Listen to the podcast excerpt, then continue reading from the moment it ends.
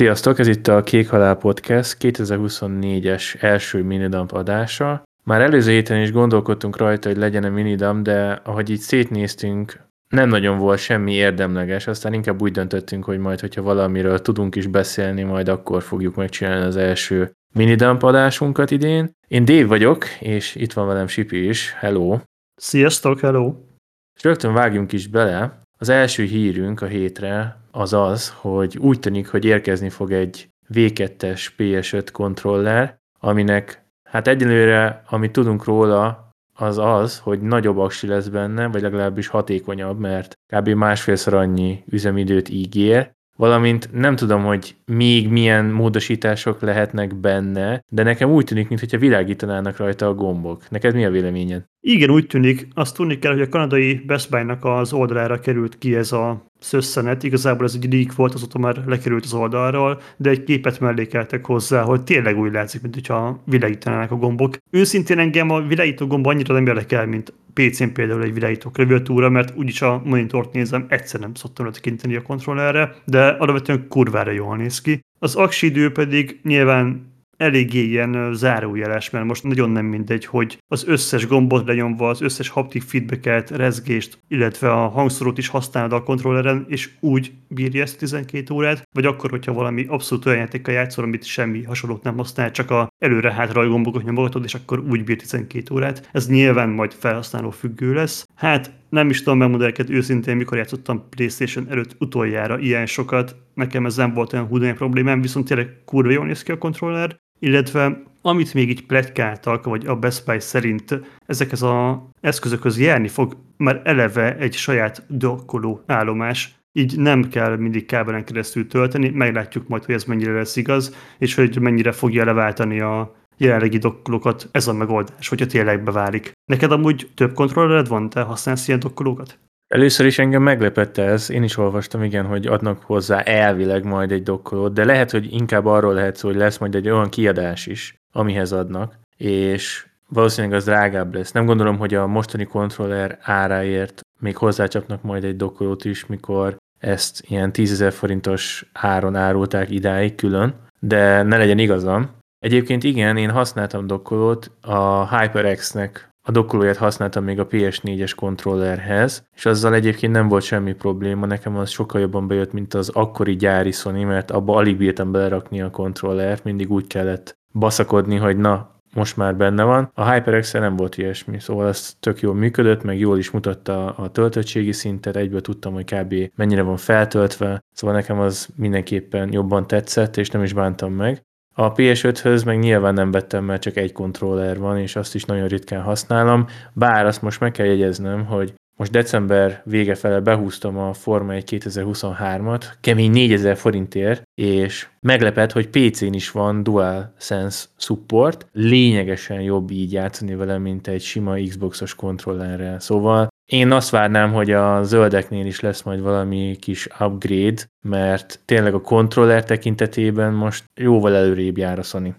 Igen, úgy érzem, hogy ez a haptic feedback ez nem egy gimmick lett, mint amit sokan vártak, hanem ez tényleg hasznos funkciója, hogyha fejlesztők jól használják. De hogyha már ennél a témánál vagyunk, te is, meg én is elég sokat szívtunk a leutolsó Dual Shock kontrollerrel, hogy talán nekem kettő eszköz kellett a driftelés miatt javítatnom, illetve cseréltetnem, és ha jól emlékszem, te is említettél ilyesmit. Mi a helyzet a Dual sense Most azért már mindkettőnknél így egy-két éve nálunk vannak ezek az eszközök, és használjuk őket. Neked van hasonló problémád, vagy szerinted ez ügyben lépett előre a Sony? Szerintem mindenképpen jobb. Én nem tapasztaltam az új kontrollerrel semmi ilyesmit, és igen, az előző DualShock kontrollerrel, tehát ami még a PS4-hez, meg a PS4 Pro-hoz járt, ott a sima verziónál is, meg a V2-nél is voltak problémák, és én szétszettem a kontrollert, és kitisztítottam, mert megnéztem, hogy amúgy nagyon minimális kis melóval ezt meg lehet oldani, és akkor ideig óráig megint jó, de nyilván ezt nem várhatják el egy mezei usertől, aki nem szeretne baszakodni ezzel, meg nyilván, hogyha valaki nem annyira ért hozzá, akkor ugye ezek a vékony kis szalakábelek, amik benne vannak a kontrollerben, hogyha nem vigyázol, azok megtörnek, nem is látod, hogy megvan törve, és utána nem fog működni rendesen, vagy nem fog tölteni, vagy nem fog világítani. És annó, annó, annó, amikor még a PS4 volt a király, akkor én is így jártam, tehát rendelnem kellett AliExpressről ilyen szalakábeleket, mert egyiket megtörtem, szóval én megtanultam, hogy nagyon óvatosan kell ezekkel bánni, és nagyon örülök annak, hogy a mostani DualSense controller az hál' Istennek már nem produkálja ezt a driftelést. Ja, maradjon is így. Nekem is eddig beváltak ezek az eszközök. Na, de szerintem akkor haladjunk tovább. Úgy tűnik, hogy az új Prince of Persia játék kurva jó lett, elérhetővé tette a Ubisoft a demót, amit bárki letölthet és kipróbálhat, és úgy tűnik, hogy felélesztik ezt a sorozatot, aminek én nagyon-nagyon-nagyon örülök, mert a régi Prince of Persia trilógia az nekem az örök kedvencek között ott van. Ami később jött, a 2008-as ilyen reboot, vagy soft reboot, nevezük akárminek, az annyira nem jött be, meg ugye a trilógiához még adtak hozzá később egy újabb epizódot, ami hát szintén nem lett akkora nagy duranás, viszont nekem annó ez a Sense of Time, Warrior Within, meg a The Two Thrones az örök kedvenc, és azt nem tudom, hogy hányszor végigjátszottam, megvan lemezes formában, megvan digitálisan, utólag megvettem, mert ugye nyilván most már nincsen optikai meghajtóm, de én nagyon-nagyon-nagyon örülök, hogy újra reflektorfénybe kerül ez a franchise, és úgy tűnik, hogy ez a The Lost Crown, ez a két és fél D-s platformer játék, ami hát ilyen Metroidvania-szerű, ahogy olvasgattam, megláttam, újra feltette a Ubisoftot a térképre, mert végre egy jó játékot adta ki ismét, ami nem egy ilyen 6-7 pontokat kap, hanem ilyen 8-9 körülieket. Letöltöttem a demót, és játszottam vele egy fél órát körülbelül, annak ellenére, hogy én nem vagyok egy nagy ilyen oldalnézetes, platformeres emberke, nekem tökre bejött, és tökre tetszik. Az irányítás egy kicsit szokós, de szerintem a látványvilág az tök jó, nincsen túlspilázva, a harcrendszer egyébként jónak tűnik, lehet, hogy meg fogom venni, bevallom, tehát, hogy nekem tetszik. Nem tudom, hogy te kipróbáltad esetleg?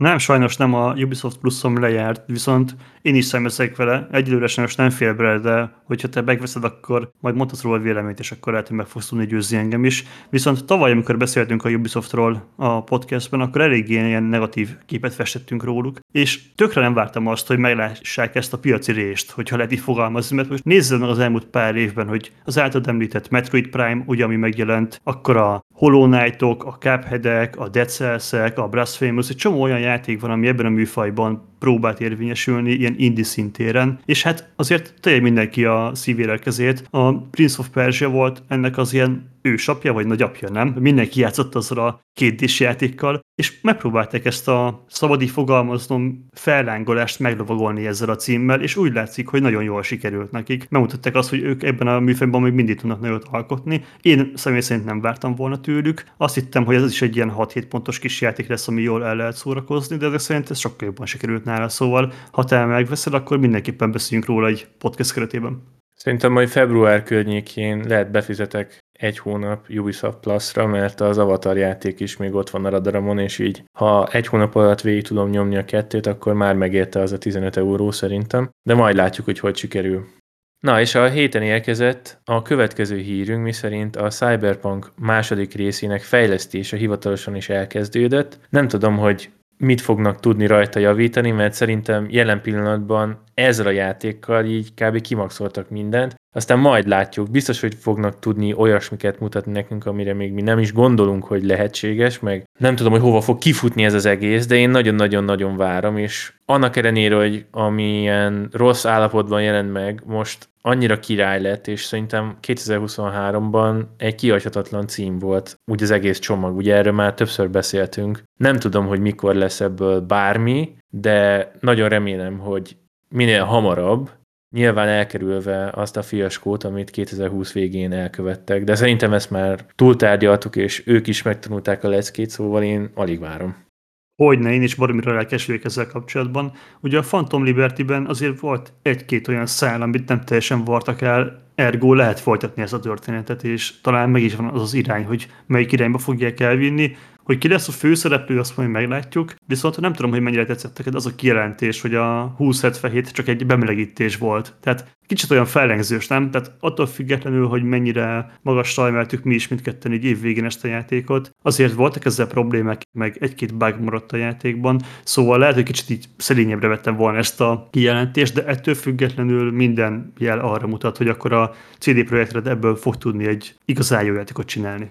Igen, én szerintem is azért óvatosabban kéne így a szavakkal bánni, mert hogyha megjelenéskor is ekkora királyság lett volna, akkor talán megértem, de így most egy kicsit tényleg homlokráncolós a dolog. Ugye Kineau Reeves és Ibris Elba már biztosan nem fog visszatérni, de szerinted fognak egy új sztárt meggyőzni, hogy szerepeljen a játékokban?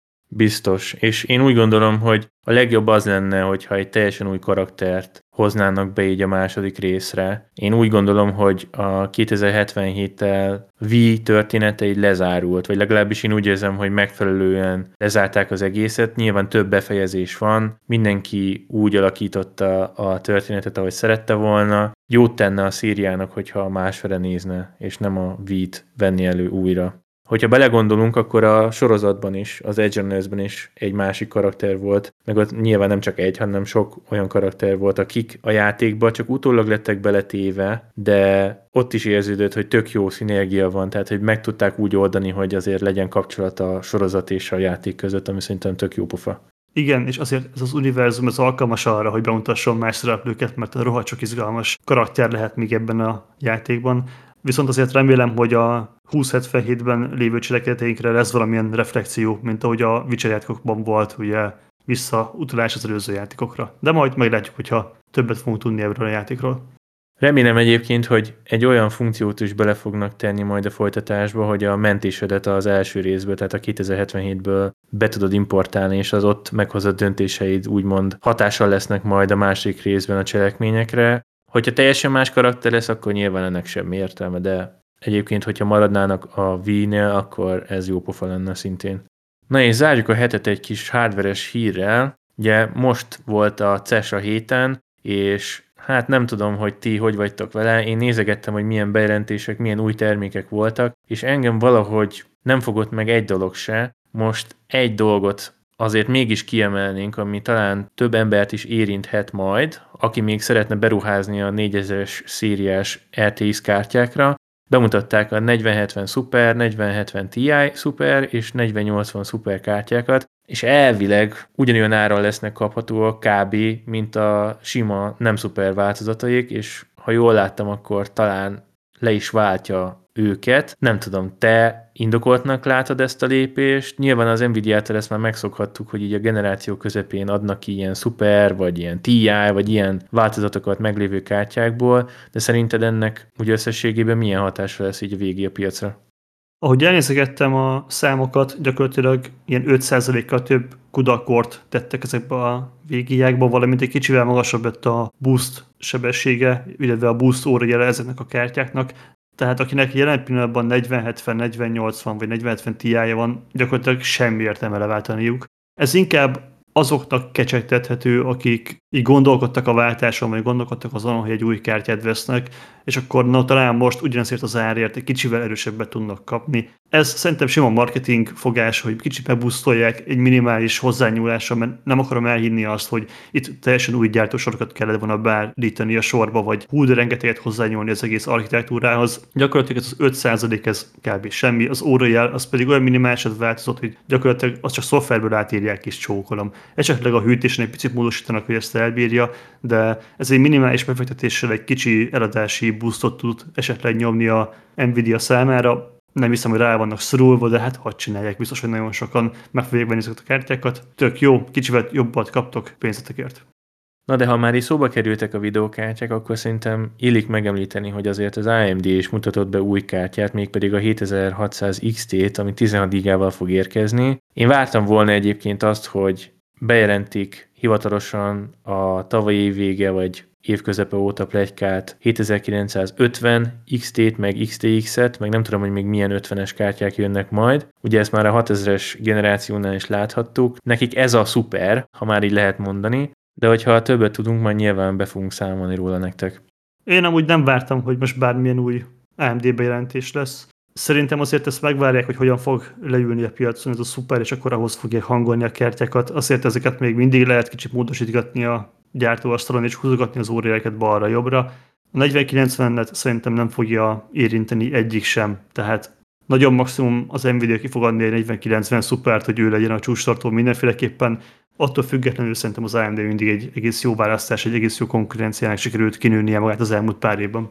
Szerintem a 4090-et nem fogják bántani, mert így is magasan a legerősebb kártya. Inkább ezt a D-s Dragon változatot adják ki, ami elvileg ilyen lebutított, és a kínai piacra szánják, szóval nem hiszem, hogy ebből érkezni fog egy TI, de aztán lehet, hogy meggondolja magát az Nvidia. Én nem látom indokoltnak egyenlőre, mert nincs veszélyben ez a korona, vagy ez a csúcs teljesítmény. Az AMD sajnos nem tudja ezt egyenlőre hozni, de szerintem ennyi lett volna a minidampunk erre a hétre. Köszönjük, hogyha ideig meghallgatatok minket. Értékeljetek minket, és kövessetek be Twitteren és Instán, valamint iratkozzatok fel YouTube-on is. Hogyha szeretnétek hozzászólni a témához, akkor gyertek és csatlakozzatok a Discord szerverünkhöz. Jövő héten érkezünk nektek egy újabb számozott adással, addig is legyetek jók, jó játékot nektek, sziasztok!